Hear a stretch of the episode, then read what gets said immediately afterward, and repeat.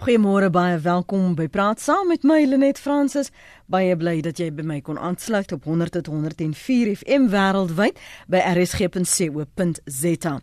So, die BTW koers is met 'n persentasiepunt verhoog. Sonnebelasting is op en brandstof moontlik 52 sent per liter. Jy gaan huk vir jou besoedeling, soos jou plastieksakke wat jy net nie so wil wegsit nie. Jy gaan betaal vir jou uitlaatgasse van voertuie, maar jy's nog nie klaar betaal nie. Persoonlike belasting is ook verhoog en sal bykans 36 miljard rand in die 2018-2019 boekjaar bydra. Ons gaste vanoggend is Michael Sass, hy is die voormalige rekeningkundige generaal van Suid-Afrika en hy het onder meer uh, met ons voormalige voormalige en toe weer minister van finansies Pravin Gordhan gewerk en uh, daar by Tesorie. Goeiemôre Michael, baie dankie dat jy kon inkom vanoggend. Môre Lenet en môre aan die luisteraars. En ons gesels ook met professor Erwin Schuella van die skool vir publieke leierskap by die Universiteit van Stellenbosch. Goeiemôre professor. Goeiemôre. Voordat ek vir julle vra om vir ons hierdie prentjie in te kleur, ehm um, wil ek net eers gou by jou hoor Michael en Erwin. As ek die enigste ene wat so gefrustreerd in in hoe reg krapperig voel en voel asof ek opdok vir ander mense se sondes, Michael. Ja, kyk daar's daar's geen twyfel nie. Ons is nou besig om te betaal vir die sondes van die verlede wat ons nou bietjie begin inhaal het. Ehm um, die begroting, jy weet om om BTW op te sit is is 'n groot storie, jy weet. Ehm um, vir enige party om dit te kan doen want want ons weet dit beïnvloed die arme mense. Ehm um, so jy moet weet die staatskas is leeg. Daar is nou nie meer ander plekke waar hulle geld vandaan kan kry nie. En en so dit is definitief ons is nou besig om te betaal vir die sondes van die verlede. En ons gaan vir vir 'n hele rukkie nog moet aanhou betaal daarvoor. Ek gaan nou praat oor vir wat ons alles betaal. Ek net vinnig jou mening jou inleidend hoor Erwin. Ja, miskien net om mee te begin, uh, Lenet, julle doen darm julle uh, goeie reputasie nou gestand. Dit lyk my julle word nou regtig die uh, die universiteit van die mense. Uh, hierdie is 'n uh, interessante maar nogal ingewikkelde onderwerp as ons praat oor die besteding van staatsfinansies en die beheer daaroor. En ehm um, maar uh, net om jou vraag baie direk te beantwoord, ek dink definitief nie jy is die enigste gefrustreerde persoon in hierdie verband nie ons moet onthou dat daar selfs aanleidings was uh voordat ek dink daar nou tog 'n mate van 'n kentering gekom het dat daar toenemend weerstand by belastingbetalers was om belasting te betaal. Mm. En dit is 'n aanduiding van die feit dat daar 'n uh, gebrek aan legitimiteit is vir die regering. Ehm um, want dit beteken eintlik dat mense sê ons ons ons kan julle nie vertrou met ons geld nie. En ons wil julle ook nie vertrou met ons geld nie. Die idee is, is dat julle vir ons dienste moet lewer vir die geld wat ons aan julle gee deur die, die uh, in die vorm van belastings en ander uh staats uh, inkomste wat ons aan julle gee. Maar julle gee nie vir ons hierdie dienste nie. Dit word aangewend vir korrupsie, dit word aangewend vir persoonlike bevoordeling en dit plaas dan die hele belastingstelsel en die staatsfinansiële stelsel onder druk omdat dit die legitimering ondergrawe. Hmm. Legitimering beteken eintlik maar net die mate waartoe mense dit aanvaar omdat hulle daarmee saamstem. En ja, hulle net so jy is wat dit betref uh, dink ek in in in in 'n groot en goeie geselskap. Ek dink egter wel dat daar nou 'n kentering aan die kom is en dat dit beter sal gaan en dat dat mense uh, sal voel goed as ons dienste kry, as ons effektiewe en etiese dienste kry, dan sal ons ons belastings betaal. Kan ek gou vir 'n oomblik by jou stil staan, veral omdat jy sê dat daar 'n kentering kom, 'n verandering kom. Ons het die laaste ruk met die bespreking van al die die staatsrede van Cyril Ramaphosa die verkiesing die bedanking van die voormalige um, president Jacob Zuma. Het was daar 'n sprankie hoop? On, ons kon dit aanvoel in ons land. Maar hoe um, balanseer jy dit? Gegee die groter gesprek van wat hierdie land moet regkry wat die verwagtinge is ook met die inkom van 'n nuwe president want ek kry die gevoel Erwin dat mense voel daar moet boetedoening kom. Dis goed en wel om vir ons te sê ons gaan nou meer belasting moet betaal. Dis goed en wel om te sê ons moet hoop en ons moet self 'n um, hand aan die ploeg slaan. Maar as 'n ander kant wat sê vir balans vir eerlikheid en regverdigheid moet sekere goed gedoen word. So hoe kan hulle van ons vra om vir ons meer te betaal, maar ons vra gee ons beter dienslewering. Laat die wat uh, ons staat besteel het verantwoording doen. Ja, ek dink uh, Lenet jy het 'n hele aantal punte nou hier aangeraak en dit uh, dit gaan diep in uh, die sosiologie uh, van van ons samelewing in en ook in die in die in die sielkunde van ons mense in. Ehm um, kom ons sê kom ons stel dit so dat daar's geen twyfel dat ons uh, baie naby aan 'n uh, afgrond omgedraai het nie. Dis nogal 'n kenmerk van die Suid-Afrikaanse samelewing. Dit lyk vir my ons kom dikwels tot op die rand van die afgrond en dan gee ons gelukkig een stap terug.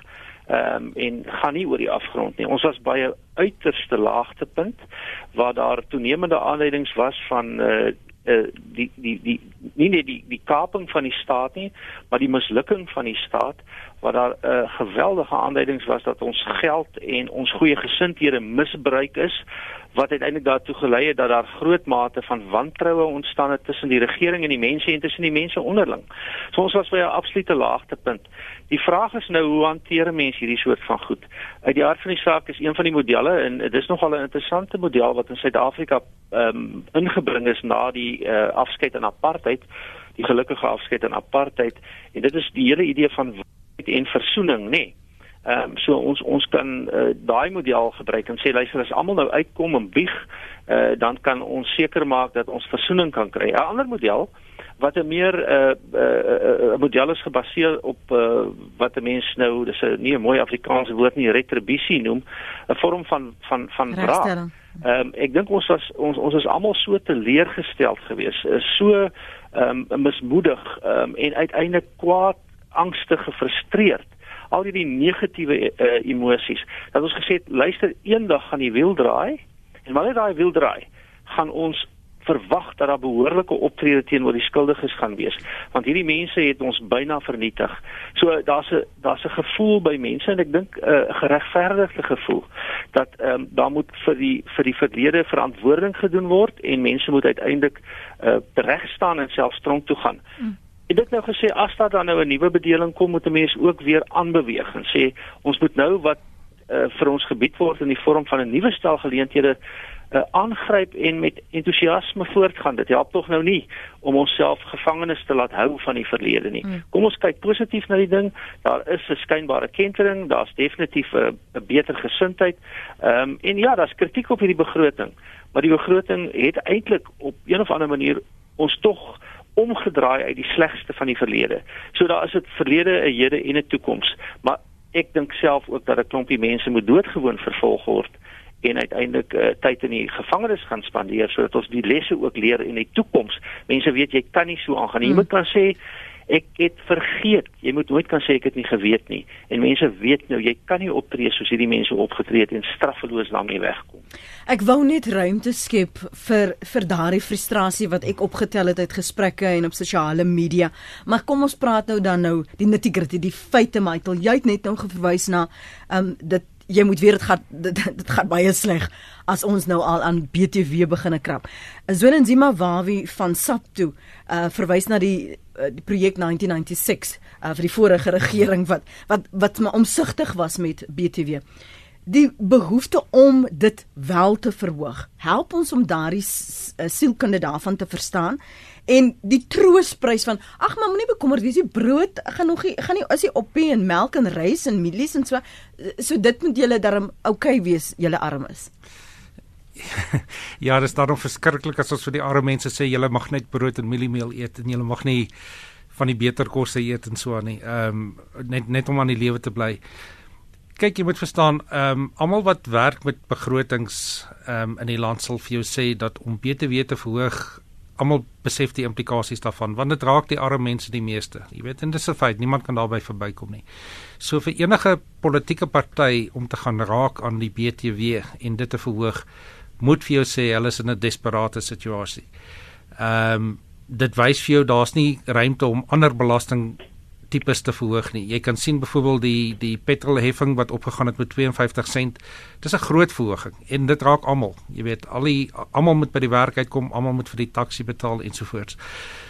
En nou om die BTW ook nog op te stoot, jy weet dit is twee goederes wat die armste van die armstes die meeste raak en dit wys vir jou die die maatskappybelasting kon ons nie opgestoot het nie, die uh persoonlike inkomstebelasting kon ons nie opgestoot het nie. Ons weet hulle het nou daarom die uh fiskale ehm um, druk terughou uh in in die sin van die die korting wat jy gewoonlik kry is nie verhoog hierdie jaar nie en die, en die perke van wanneer jy op 'n sekere skaal begin betaal okay. is nie verhoog nie.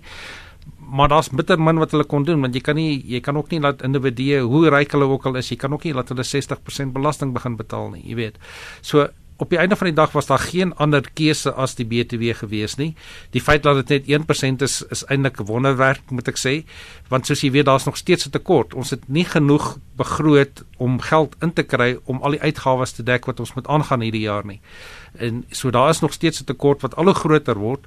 Hoopelik sal daar beter ekonomiese groei volgende jaar wees en dan kan ons begin inhaal op dit. Ehm um, maar ek dink dit is vir iemand om te sê vir die mense julle moet dankbaar wees, jy weet, ons het daarom nog mieliemeel vrygestel en so aan. Jogg, dis daarom 'n bietjie van 'n klap in 'n in die gesig, regtig. Dis eintlik wat ek sê, wat ander ook sê, wat ons voel aan ons lywe, want jy kan nie daarvan wegkom dat die verhoging in die BTW die armes juis gaan raak nie. Want al is dit in soos jy reg sê, so moet ons dan van melk en brood en rys pap leef. Ja, die, dit dit is verskriklik. Uh, en soos ek sê, sal meer daarmee saam gaan die petrolverhoging die 52 sent wat wat bygekom het.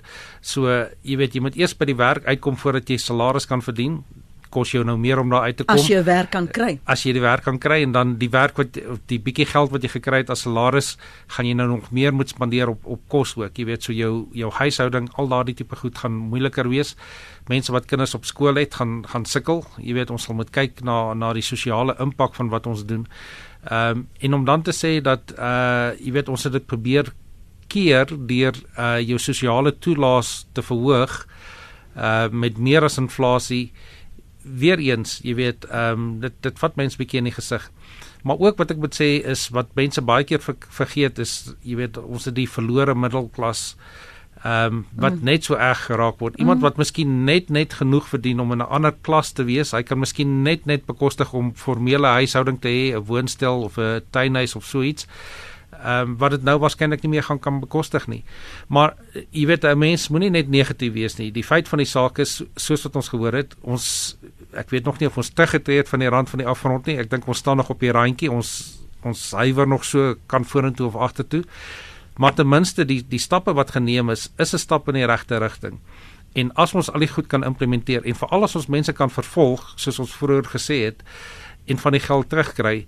Ehm um, ek wil net as jy my toelaat goue staaltjie vertel. So 'n paar maande gelede het ehm um, voormalige minister Pravin Gordhan net 'n toekenning gekry van Unisa se skool vir besigheidsleiding vir sy etiese norme en yeah. Ja. en wat hy gedoen het ensovoorts. En by die geleentheid het die voormalige direkteur-generaal van Nasionale Tesourie, jy weet, 'n toespraak gelewer en om nou te vertel van die minister en wat hy alles gedoen het en so aan. En hy het 'n standpunt daar gemaak en te sê dat as jy regtig dink dat oudminister Pravin Gordhan reg is in wat hy doen, dan is die regte ding vir julle om te doen op op te staan en te sê wat verkeerd gaan in die land. En met ander woorde, as jy weet van dinge wat verkeerd gebeur in jou staatsdepartement of organisasie, dan moet jy opstaan en sê dit. Jy weet, want die enigste manier wat mense vervolg kan word is as daar bewyse is. En ons weet natuurlik in die forensiese wêreld jy weet as die bewyse eers vernietig is dan is dit baie moeilik om iets te bewys. Hmm. Nou as ons van die geld kan herwin, en ek praat nie net van een familie nie, daar's baie ander dinge Natuurlijk, wat verkeerd gegaan het. het. Yes. Nou as ons van daai geld kan herwin, gaan dit help om die staatslas bietjie minder te maak, jy weet. En onthou ons praat hier van biljoene rande. Ons sal miskien nie alles terugkry nie, maar elke bietjie wat ou terugkry sal help. En daarom dink ek Jy weet ou moenie net negatief wees nie. Die begroting dui aan 'n rigting wat ons nou gaan inslaan die nuwe president is baie positief in wat hy sê. En as ons dit alles kan deurvolg dink ek jy weet ons het nou die keerpunt bereik. Die land gaan van nou af die ekonomie sal optel en dit sal met almal baie beter gaan.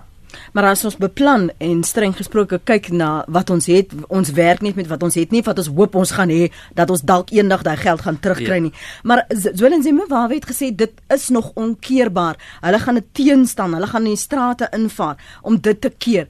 Is dit wel onkeerbaar? Kan dit nog? Dan ja, besluit hy roep word. Ja, kyk, enigiets kan hy roep word. Jy weet, uh, niks in die wêreld is ooit verseker nie, maar kom ek sê vir jou dit gaan baie moeilik wees. Goed. Die begroting, die proses hoe dit werk, dis 'n jaarproses. Die allokasiebriewe is al teen die einde van November vroeg Desember vir departemente gestuur om te sê dis hoeveel geld jy het beplan, jy weet, want ons moet beplan elke maand. Jy weet, SARS moet vir ons sê elke maand hoeveel geld gaan hy hierdie maand uh, inbring, hoeveel kan ons gee vir die departemente, moet ons gaan leen by banke ensovoorts. So daar is nou klaar in rekening gebring dat ons hierdie BTW verhoging gaan hê en om dit weg te vat, dit is moontlik tegnies. Ehm um, jy weet dis die hele proses wat deur parlement moet gaan, maar jy weet teoreties kan dit gebeur, maar dit gaan baie baie moeilik wees. En die probleem is nog steeds as jy dit dan doen, waar gaan die geld dan vandaan kom want ons moet nog steeds die geld iewers vandaan kry jy weet so ons, ons kan nie werk op iets wat miskien kan gebeur nie jy moet gaan op werklikhede So pas wat ek dan gesê het, daai geld wat dalk moontlik herwin kan word. ons gaste vanoggend is Michael Sass, hy's die voormalige rekeningkundige generaal van Suid-Afrika en ons praat ook met professor Erwin Swela. Hy's by die skool vir publieke leierskap by die Universiteit van Stellenbosch. Ons fokus. Jy het nog geluister na Monitor, jy het gister geluister na Spectrum. Ons praat oor die implementering van die begroting. Natalie, Dankie vir jou geduld. Goeiemôre. Goeiemôre Lenet, hoe gaan dit? Jo, oh, wo, waar sal ons begin as ons praat oor hierdie begroting?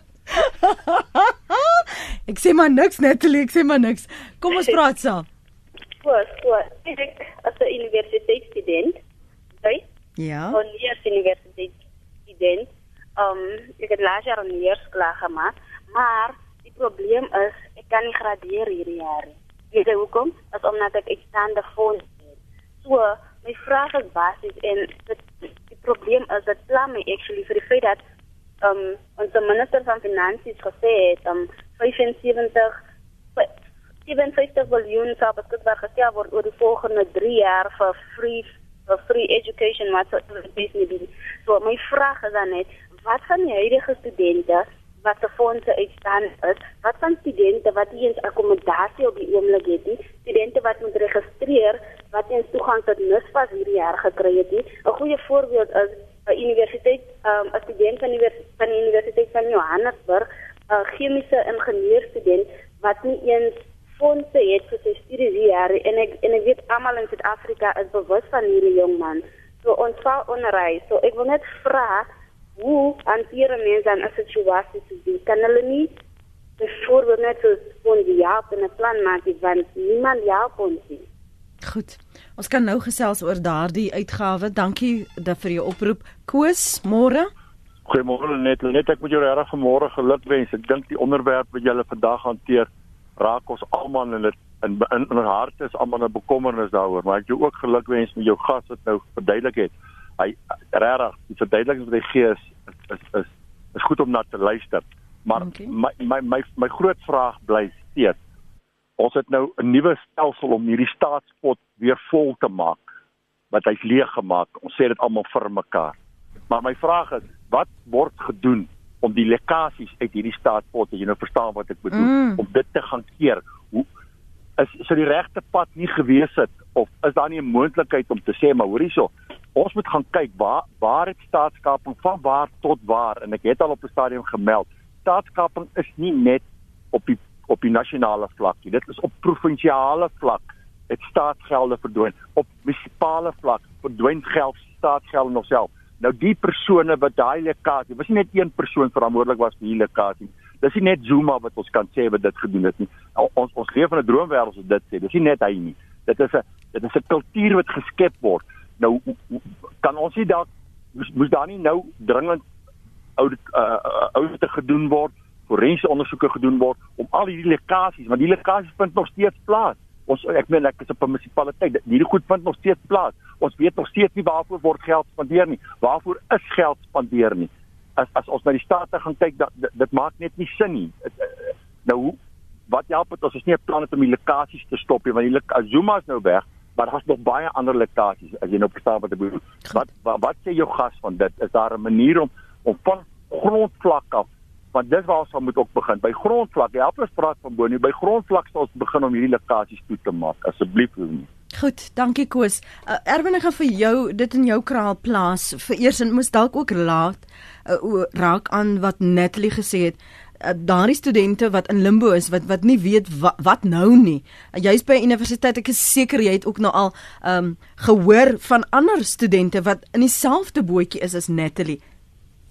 Ja, ek dink uh, om mee te begin het 'n mens 'n uh, baie baie besonder byna emosionele empatie um, met mense soos Natalie wat al gevorder het met haar studies en bewys gelewer het dat sy 'n goeie student is en nou in 'n situasie kom dat sy nie kan gradueer nie omdat daar net nie geld is nie.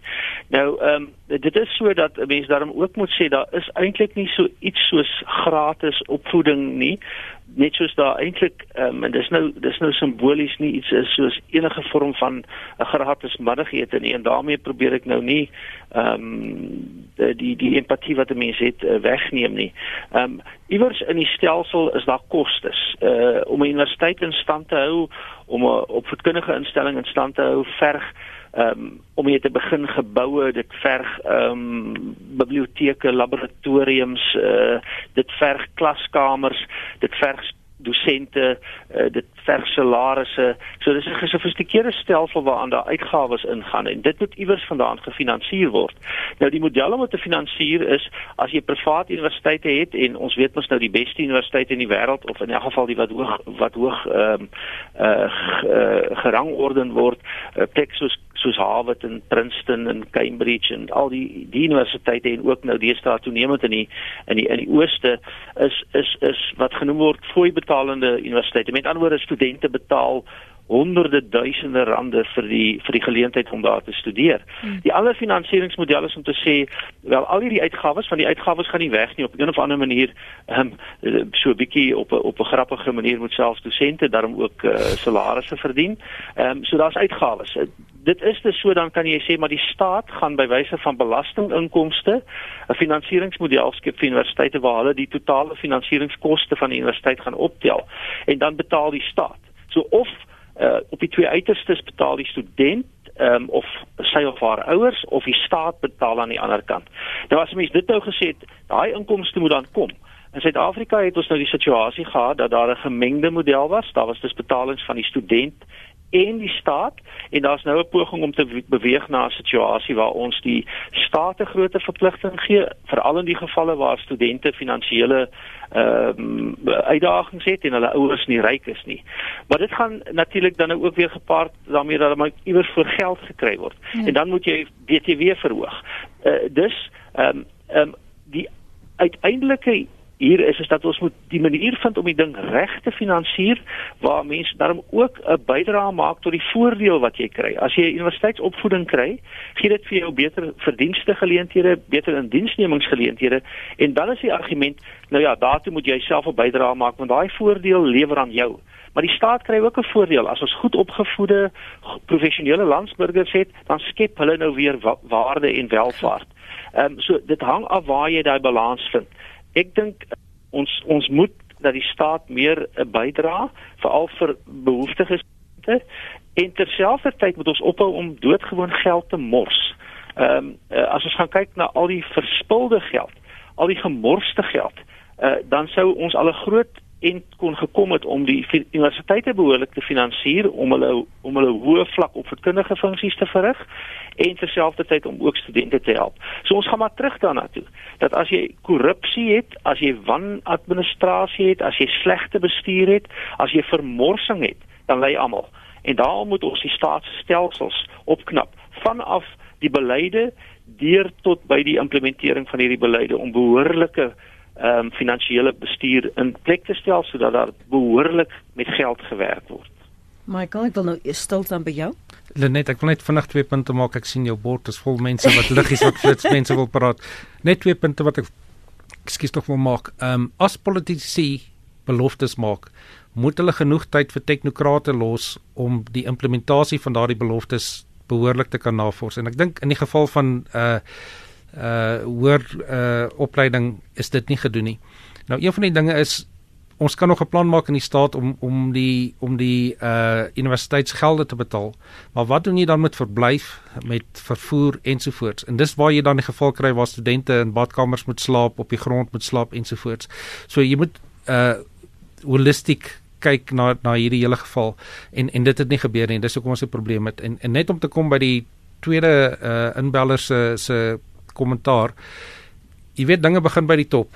Ehm um, het sy dit die president is of het sy dit die uitvoerende bestuurder is van van 'n groot maatskappy ensovoorts.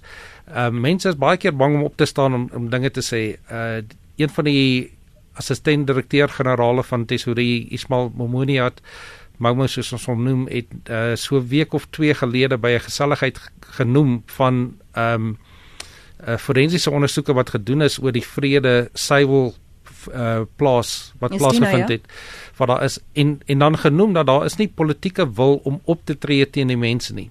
Ek dink daardie situasie het nou verander.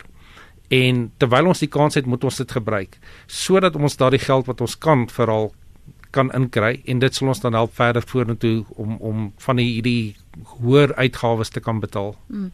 Ek lees vir julle voor ons na Mario toe gaan en van ons ander luisteraars wat wil saampraat. Ons praat oor die implementering van die begroting met uh, Michael Sass en professor Erwin Schwella. Jy kan saampraat op 0891104553 of vir my 'n SMS stuur na 45770 en elke SMS kos jou R1.50. Ek lees vir nou eers wat van julle skryf op ons webblad rsg.co.za. Ek gaan alles lees en vir jou vra en vir Michael en vir Erwin om aan aantekeninge te maak wanneer ons terugkom. Andy Steckling sê Ek wonder al vir jare hoe kry die staat dit reg om van die publiek te verwag om te spaar en te bespaar, maar doen self nie mee nie. Voorbeeld, as jy vandag in jou danigheid as Lenet 'n ontbytete bespreek by 'n vooraanstaande hotel vir so wat 20 200 mense, gaan dit jou dalk tussen 50 en 75000 rand kos. Maar sou jy dieselfde hotel bespreek vir ontbyt vir 100 ministers, kos dieselfde ontbyt jou 30 plus miljoen. En niemand vra vra nie. Die cheque is al reeds geteken. So kan daardie voorbeelde gebruik word van wanbesteding waarvoor ons moet opdok. Rita sê, is self een van die wat 'n baie baie klein salaris kry, maar my gevoel is neem persoonlike belasting heeltemal weg en maak BTW nog hoër, dan betaal almal belasting, die een wat besigheidsinkomste het en nêrens dit verklaar ook. Louis van die Kerk sê om die vertroue van die burgers weer te wen, gaan nie oornag plaasvind nie. Daar sal maar eers moet bewys word dat ons belastinggeld reg aangewend gaan word. Graag sal ek weer wil sien dat die inkomste diens weer aan hulle beeld teenoor die belastingbetaler sal moet werk. Te erg is net te erg skryf. Wanneer gaan die staat verantwoordelikheid neem vir hulle wanbesteding? Hoekom moet die belastingbetaler altyd die las dra? Probeer die gelde terugkry van beweerde korrupsies wat plaasvind en plaasgevind het.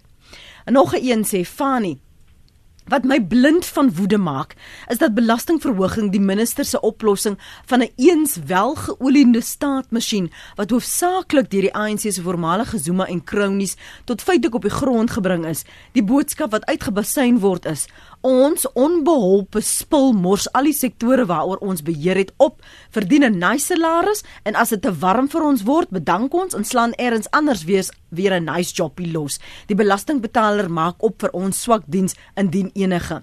Hoekom klou die ANC so aan doodbloeiende staatsorganisasies soos byvoorbeeld SAL, Transnet, Prasa, Eskom wat weer eens op die belastingbetaler se nek lê, direk en indirek. Ons het nie eers meer iets soos SAL nodig nie. Daar's genoeg ander lugrederye in die private sektor om SAL heeltemal te vervang. Net die opperhand kan die land red uit 'n gemors soos dit waarin ons onsself nou bevind. Ek waarborg jou, sê Fani. Waar is die waarborg? Tot vandag toe weet 75% van die parlementslede nie eers wat die verskil is tussen 'n miljoen, 'n biljoen en 'n triljoen in geldwaarde nie. Ons moet soos enige man teen die brandstofheffing opstaan. Dis die regering se nuwe Eskom kragverhogings terwyl daar 'n ooraanbod is. Die feit dat die regering kan gebruik na eie denke sê onmiddellik vir jou dis net 'n dekmantel. Dieselfde geld vir die suikerbelasting. Ons het lanklaas daaroor gepraat. Dankie Fanny. Hulle is minder begaan oor jou gesondheid as wat ek ge-worry is oor die minister van finansies. Ek hoop jy gaan 'n bietjie gesels oor die staatsinstellings, hoor. Kom ek hoor gou wat sê Mario en dankie dat jy vir my aangehou het Mario. Uh Lenet, ja, uh, goeiemôre. Hoe gaan dit? Nee, ons ons gaan voort. Jy hoor nou nee. ons hassel hassel. Ja, Hoorie man, wie ons kan aanhou praat en aanhou praat. Jy weet ons daar's 'n student wat net ingebel het van van fondse wat hulle wil hê. Wie 57 biljoen rand is is of miljard rand maar is baie geld. Die die die staat kan nie net aan aan mekaar vir, vir mense uh uitbetaal um, wat wil fondse hê nie. Ons ons praat ook van die van die belastingkoers wat nou op is. Maar ons ons groot groot probleem is was Jacob Zuma. En en hy het ons land gestroop. In die, in die, in ons in dit met die die ministers en en die en die polisie en die vervolgingsgesag se se se doelwit wees om daai man eers vas te vat en en sy trawante en die Gupta's terug te kry in die land en om daai geld terug te kry. Dit dit dit moet ons visie wees. Want as ons daai miljarde rande wat vermors is terugkry dan kan dan kan ons weer op 'n gesonde basis Goed, maar ma Mario, kom ons kom ons ons veronderstel, skus dat ek jou onderbreek. Kom ons veronderstel ons kry dit nie terug nie. Kom ons praat met die die slegste scenario moontlik. Wat dan? Ons ons moenie moed verloor nie. Ons moenie moed verloor nie. Ons moet ons dit dit moet ons visie wees. Ons moet daai mense moet moet ons in in die hande kry. Ons ons moet hulle uh, uh, tot die uh, voor voor die reg bring en hulle moet die met die met die geld terugbetaal. Dit is hulle mense in die instansies het gepraat van 800 miljard rand. Dit is 'n ontsaglike klomp geld. Ons moet daai geld net terugkry. Ons land is is arm gestroop. En die in die in die in die groot uh, sonnebok is is meneer uh, Jacob Zuma. Hy was 'n president gewees. Hy moes toe toesien dat dit nie gebeur het nie. En en en dit het nie gebeur nie. Goed Mario, dankie Mario. Dani, goeiemôre. Môre net. Ehm um, my vraag aan die einde gaan gaan oor BTW. So sien wat ek sê in in in die lig van dat ek 'n vraag gaan vra oor BTW. 'n uh, Verklaring, ek stem saam met al die goeie wat gesê word oor armoede en terug geld terugkry en alles wat gesê word. Stem ek saam mee. En ek was ook al daar waar ou op gebed hier van die 20ste van die maand af tot die einde van die maand af kom ek dink meeste van ons was op 'n stadium daar gewees. So daai verstaan ek. Ja. Maar nou Ek is 'n voorstander van dat BTW verhoog is. Dis my rede. Ons is in die moeilikheid. Dis half die kalf is nie eers in die put nie. Hy het nou al gesink tot aan die kant. Ehm um, so BTW is is baie breed. Dis 'n breë vorm van waar ons by 'n klomp mense gaan geld kry. En ons almal gee 'n bietjie meer. Dis 1%. So almal van ons, die hele reënboognasie, ehm um, ongelukkig, die armes ook, maar ons gee almal 'n bietjie meer om ons te help om uit hierdie situasie uit te kom want nou ondervang jy so baie van en daar's baie informele besighede mense wat op geen manier belasting betaal nie buitelanders suid-afrikaners 'n groot klomp mense wat oorleef wat nooit nêrens in berekening gebring word nie wat ietsie aan die gang het wat nooit op 'n manier belasting betaal nie. So hier hier kry ons almal, dis nou regtig reënboognasie. Ons almal betaal nou dit 'n bietjie meer. Nou my my sien is dalk nie reg nie. So dis waar my vraag nou inkom. As ons nou deur BTW net 1% die kalf uit die put uit gaan kry en miskien jy weet die saak gaan reg kry. As ons dit nie doen nie, watter ander manier? Watter ander manier gaan ons ouens kry om bietjie by te dra wat glad nie bydra nie? En dan nou net 'n laaste opmerking. Hy kan ons eendag as ons alles nou weer onder beheer het en kapinge alles ontslawe weer verlaag word. Maar vir nou, ehm um, daai 1%, as ons dit nie doen nie, hoe anders? Goed, dankie Dani. Kom ons staan daar by stil. Michael, kom ek gee jou kans. Ja, daar's so baie goed wat ek ja. op wil reageer. kom ons begin net eers by die uh by die BTW, die een uh inbeller het gesê kom ons maak BTW dieselfde vir almal en ons skap al die ander belasting af. Kom ons sê argument sal al ons maak dit 20%. In Suid-Afrika sal ons dit nooit doen nie.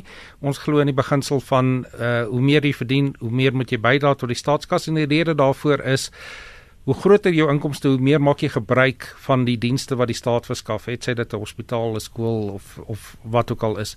Ehm um, so ek dink nie dit sal regverdig wees dat die armes 20% betaal en jou rykste van die rykstes ook net 20% betaal nie. Ek dink nie dit sal gebeur nie.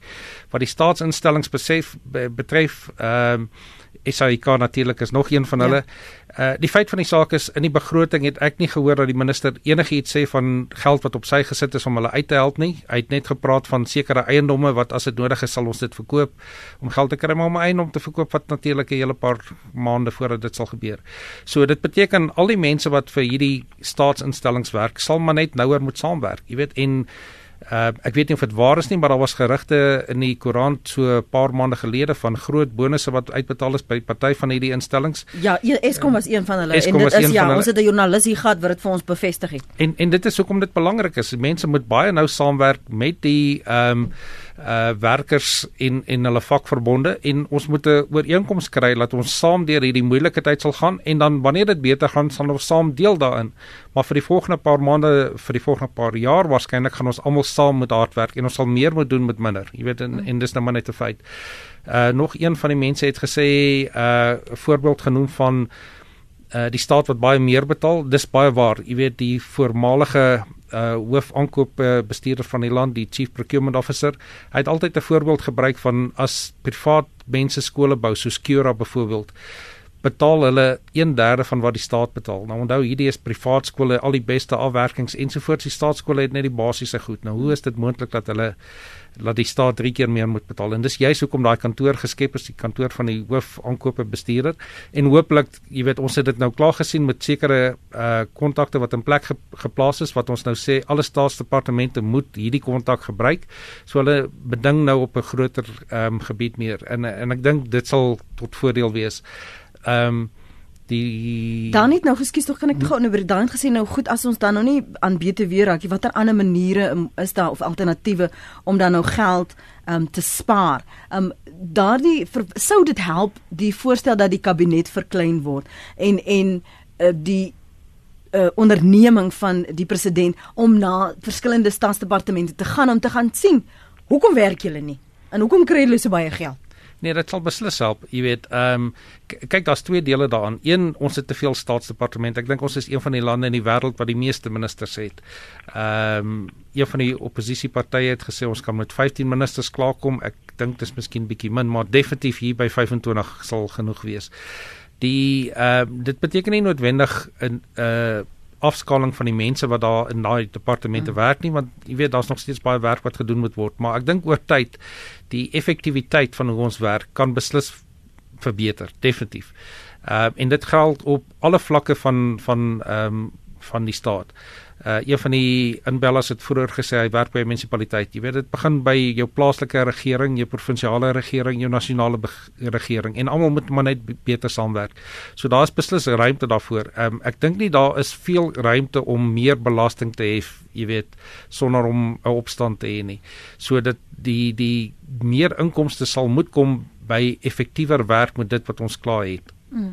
Etiese leierskap, dis een van die punte wat uh, Cyril, uh, president Cyril Ramaphosa in sy staatsrede aangeraak het en Mario verwys ook daarna dat ons die voorbeeld moet stel en dat reg en regverdigheid moet geskied. Jou gedagtes daaroor en ook van wat ek gelees het tot dusver. Ek kan nie skaars by alles uitkom nie, Erwin. Uh, hier's iemand wat sê dink 'n slag aan die miljoene wat sonder werk gaan sit as SAL net eenvoudig toegemaak word is 'n uh, anoniem wat hier skryf. Uh, Estel het vir my 'n uh, uh, SMS gestuur wat my hart breek. Sy praat van ek probeer dit net van sy praat dat sy al reeds al 1200 rand aan huur betaal en sy moet leef van hondekos. Hoe dink die regering gaan sy daar deur hierdie lewe kom? Ja, dit is so dat ehm, 'n um, mens weer eens uh, uh, mense te gevoel vir die mense en en 'n mens hoor hier uitsprake van ernstige frustrasie en bekommernis regte mense wie se lewens uh, deur al hierdie goed uh, aangeraak word.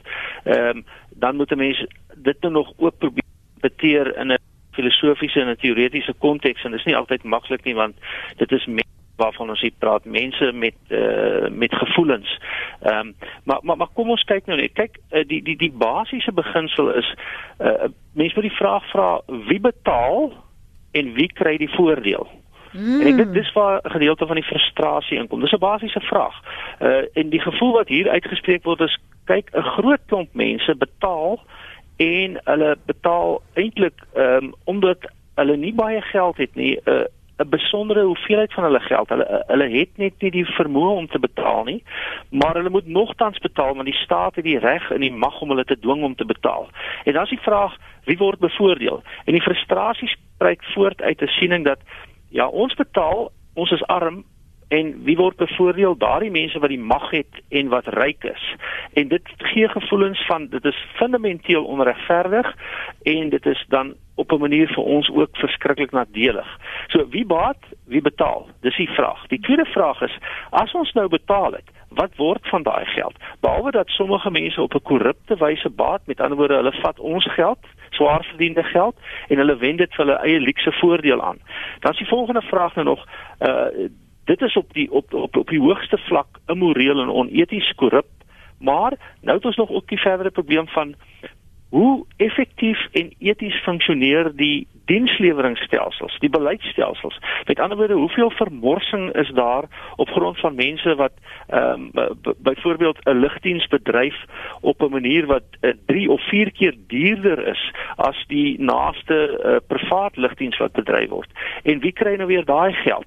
Uh, hoekom moet ons ehm um, 'n uh, uh, elektrisiteitsvoorsieningskommissie hê of 'n Eskom hê uh, met met ehm um, geweldige groot bonusse en ons moet op 'n of ander manier daarvoor instaan deur verhoogde elektrisiteitstariewe. En weer eens, so ons die arme mense, ons betaal en die ryk mense baat en hoekom baat hulle want hulle het mag. Hulle kan hulle kan hulle mag gebruik om ons te dwing om te betaal. En dit skep uiteindelik frustrasie en dit het 'n impak op die legitimering van hierdie hele stelsel. En as hierdie stelsel al hoe meer gesien word as 'n stelsel wat mense uitbuit en hulle swaar verdiende geld eintlik steel, dan gaan mense in opstand kom en dan kom jy uiteindelik uh, by die punt waar daar waar daar ehm um, nie net diensleweringproteste is waarvan ons vele sien nie, maar dat daar werklik uh, mense strate toe gaan en en 'n revolusie pleeg. Miskien net twee verdere punte. Belastingteorieë is uh, so so ingewikkeld en kompleks soos die mensdom self. Want belastingteorie het het 'n basiese ingesteldheid om van sommige te neem en verander te gee. En dit sluit nou aan by die eerste vraag. Wie moet betaal en wie gaan baat? En dan is dit so dat waarskynlik kan jy argumenteer aan die een kant dat hoe breër jy die belastingbasis kan maak en BTW is tipies 'n belasting wat uh, almal ehm um, uh, betaal uh, ongeag hoe, hoeveel hulle verdien, maar dis 'n groot hoeveelheid mense wat dan betaal. So met 'n met 1% en en, en let ook op dis nie net 'n 1% verhoging nie, dis 'n verhoging van 14 na 15%, maar in totaal statisties is dit byna 7% verhoging. Ehm um, maar dit is 'n klomp mense wat daai 7% gaan bydra. Daarteenoor as 'n klein hoeveelheid mense sê nou maar ehm um, uh, rook en drink, uh, dan um, is dit 'n klein hoeveelheid mense en daarmee hmm. probeer ek nou nie sê dat die sondebelasting nie 'n goeie ding is nie. Ja. So, daar's belastingteorie, dis kompleks, dis balans wat moet gekry word, dis 'n afweeg van belange. Maar wat ons in Suid-Afrika gehad het, het eintlik aan aan aan geen van hierdie vereistes in terme van etiese en effektiewe regering en implementering voldoen nie en ek dink wat ons nou moet sien is 'n kentering in hierdie verband en ons sien dit kom en dan wil ek net weer bevestig daar's 'n klompie mense wat wat wat die howe moet volhou en dit kos natuurlik ook geld om al hierdie hofsaake te voer maar hulle moet dan in die tronk gaan gaan sit en dan ook um, in oranje oorpakke vir ons bietjie werk op die paaie doen en die soort van dinge dat hulle 'n slag kan werk vir die geld wat hulle so mildelik uitgegee het. Absoluut. Pensionaris in Jeffreys Bay, skus tog uh, Leroy Polse wat sê en vra vir daardie tipe regverdigheid. Uh, hy sê vat vir af vir die arme mense en kry die gestelde geld terug. Die rykes het nie nodig om met uh, hulle dik nekke in duur voertuie rond te ry nie. Ehm um, dan sê 'n ander een, dink jy dis regverdig as ons belastingmense daaronder moet ly, laat die wat lang vingers in die staatskas gehad het terugbetaal, nou moet ons meer betaal vir hulle wat die geld weggedra het. En 'n ander ja, net ek gou hierdie inkom, dit is interessant nê, nee? uh, om daar te lê dat een van die bes regerende bestuurde lande, 'n klein landjie Nederland, wat in alle opsigte in die top 10 presterende 10% presterende land van die wêreld is nê, nee? ry die die premier uh, wat eintlik hulle president is, hy ry met sy fiets om die koning te gaan ontmoet. Hy het nie 'n blou lig kavalkade um, en en en en 150 uh um ehm um, uh, BBP uh, beskermers nie. Ehm um, want hy hoef hom self te beskerm teen sy mense nie. Sy mense aanvaar hom want want hy mors nie hulle hmm. geld nie. As jy mense se geld mors, dan moet jy jouself omring met 'n klomp wagte en en beskermingsmeganismes. Ja, dis dit is wat ons duidelik in ons eie land sien. As dit 'n Sirleaf, nê, nee, die voormalige president hier in ander een van ons buurlande ja. wat vir vir 2 of 3 termyne um, jare gesê het maar sy wil nie 'n verhoging hê nie. Die ander een ook van Tansanië, die president daar ook. Ek weet net nie hoekom min, ministers of of hulle net nie kan sê maar die armes ly. Ons is hier in diens van die armes. Dis oukei. Okay. Ek kan maar met die ou kar ry. As ons ander dit kan doen, kan hulle dit ook mos doen. Of en al die burgemeesters wat 4x4 voertuie moet ry op, uh, op op op op mooi paaie met die verskoning dat hulle moet in die plattelandse gebiede kom, dan is dit eintlik 'n walglike vertoon van 'n uh, leksheid as hulle met daai 4x4 voertuie by arme mense se huise aankom. Hulle moet dit nie doen nie, hulle maak hulle self net ongewild. Vanoggend praat ons oor die implementering van die begroting wat moontlik is, wat gebed gaan vra want daar is soveel tekorte en soveel korruptes wat ons nog moet aankeer en ons kan nie staat maak dat ons daardie geld gaan terugkry nie. Michael Sass is die voormalige rekeningkundige generaal van Suid-Afrika uit onder meer met 'n uh, oud minister van finansies Pravin Gordhan in tesorie gewerk en ons praat ook met Erwin, 'n uh, professor Erwin Shwela. Hy is by die skool vir publieke leierskap by die Universiteit van Stellenbosch. Ek weet uh, Michael jy wil raak aan 'n uh, punt wat uh, Erwin net voor die breuk gemaak het, maar baie van die luisteraars wat wil weet, so nou wat gebeur nou? Wat is die verantwoordelikheid van van die Reserwebank van SARS die ouditeur-generaal as ons nou begine praat oor implementering. Ja, ek wil net daarom sê, ehm um, die mense van Tesorie probeer hulle bes en so hulle het nou nuwe kostebesparingsmaatreëls uitgebring nou baie onlangs. Ehm um, wat dit uitbrei na munisipale vlak toe ook. So jou burgemeesters is nou beperk in terme van watter motors hulle mag koop ensovoorts. Kan ek gou vinnig vra, hm. voel hulle nou veiliger nou? Ek dink hulle is meer bereid om die regte ding te doen. Ehm uh, jy weet ons almal van ons het maar huise wat ons moet betaal, ons het kinders op skool, jy weet en daardie goeders. So dis nie altyd so maklik om te sê hoor die, die pad wat ons nou vat is die verkeerde pad nie. Ons jy weet almal van ons moet maar hierdie sekere goed nakom. Maar ek dink hulle voel nou meer bereid om om op te staan. Kyk en daar's baie van hulle wat beginselfases wat opgestaan het in die verlede. Ons weet byvoorbeeld iemand soos Michael Sachs, een van die mees briljante mense wat ek ooit ontmoet het uh, wat nou weg is by Tesorie. Uh, maar dis nie te sê daar's nie ander goeie mense wat die werk kan voortsit nie en en ek maak dink hulle voel nou veiliger om hulle menings te lig en te sê dis hoe ons moet voortgaan met die met die dinge wat ons moet doen. Ehm um, as ons nou kom by die wat gebeur nou verder? Die groot probleem die of die grootste ehm um, punt wat ons hier moet aanraak is SARS. Ehm um, jy weet as die begroting afgekondig het is beteken dit nie die geld is môre in die bank nie. Die geld moet eers ingesamel word van die mense soos ek en jy wat ons belasting moet betaal want dis maar die hoofbron van inkomste vir die staat. En as daar en die prof het, het vroeër geraak daaraan, ehm um, as daar nou mense is wat begin glo dat die geld wat ek betaal aan belasting kry ek nie waarde voor nie en dan waarom moet ek dan nou die belasting betaal? Hoe minder belasting ingevorder word, hoe groter word die tekort wat die, die land wat die land het. En as daar tekort is, moet ons maar gaan geld leen. Dit is net soos ek en jy as ons nie geld het aan die einde van die maand nie, moet ons maar bank toe gaan oor tokke fasiliteite kry ensovoorts. As jy dit doen, dan moet jy rente betaal. Jy kry dit nie vir net nie. En ons weet die graderingsmaatskappy het ons afgegradeer. So ons moet nou nog meer betaal vir daardie fondse as in die verlede. Ehm um, so wat nou belangrik word is dat SARS ehm um, hulle moet elke maand vir die tesorie ehm um, 'n 'n 'n lys stuur om te sê ek gaan soveel geld kollekteer hierdie maand op hierdie datum ensovoorts. Hulle betaal elke maand of elke dag betaal hulle die geld in die nasionale inkomstefonds in.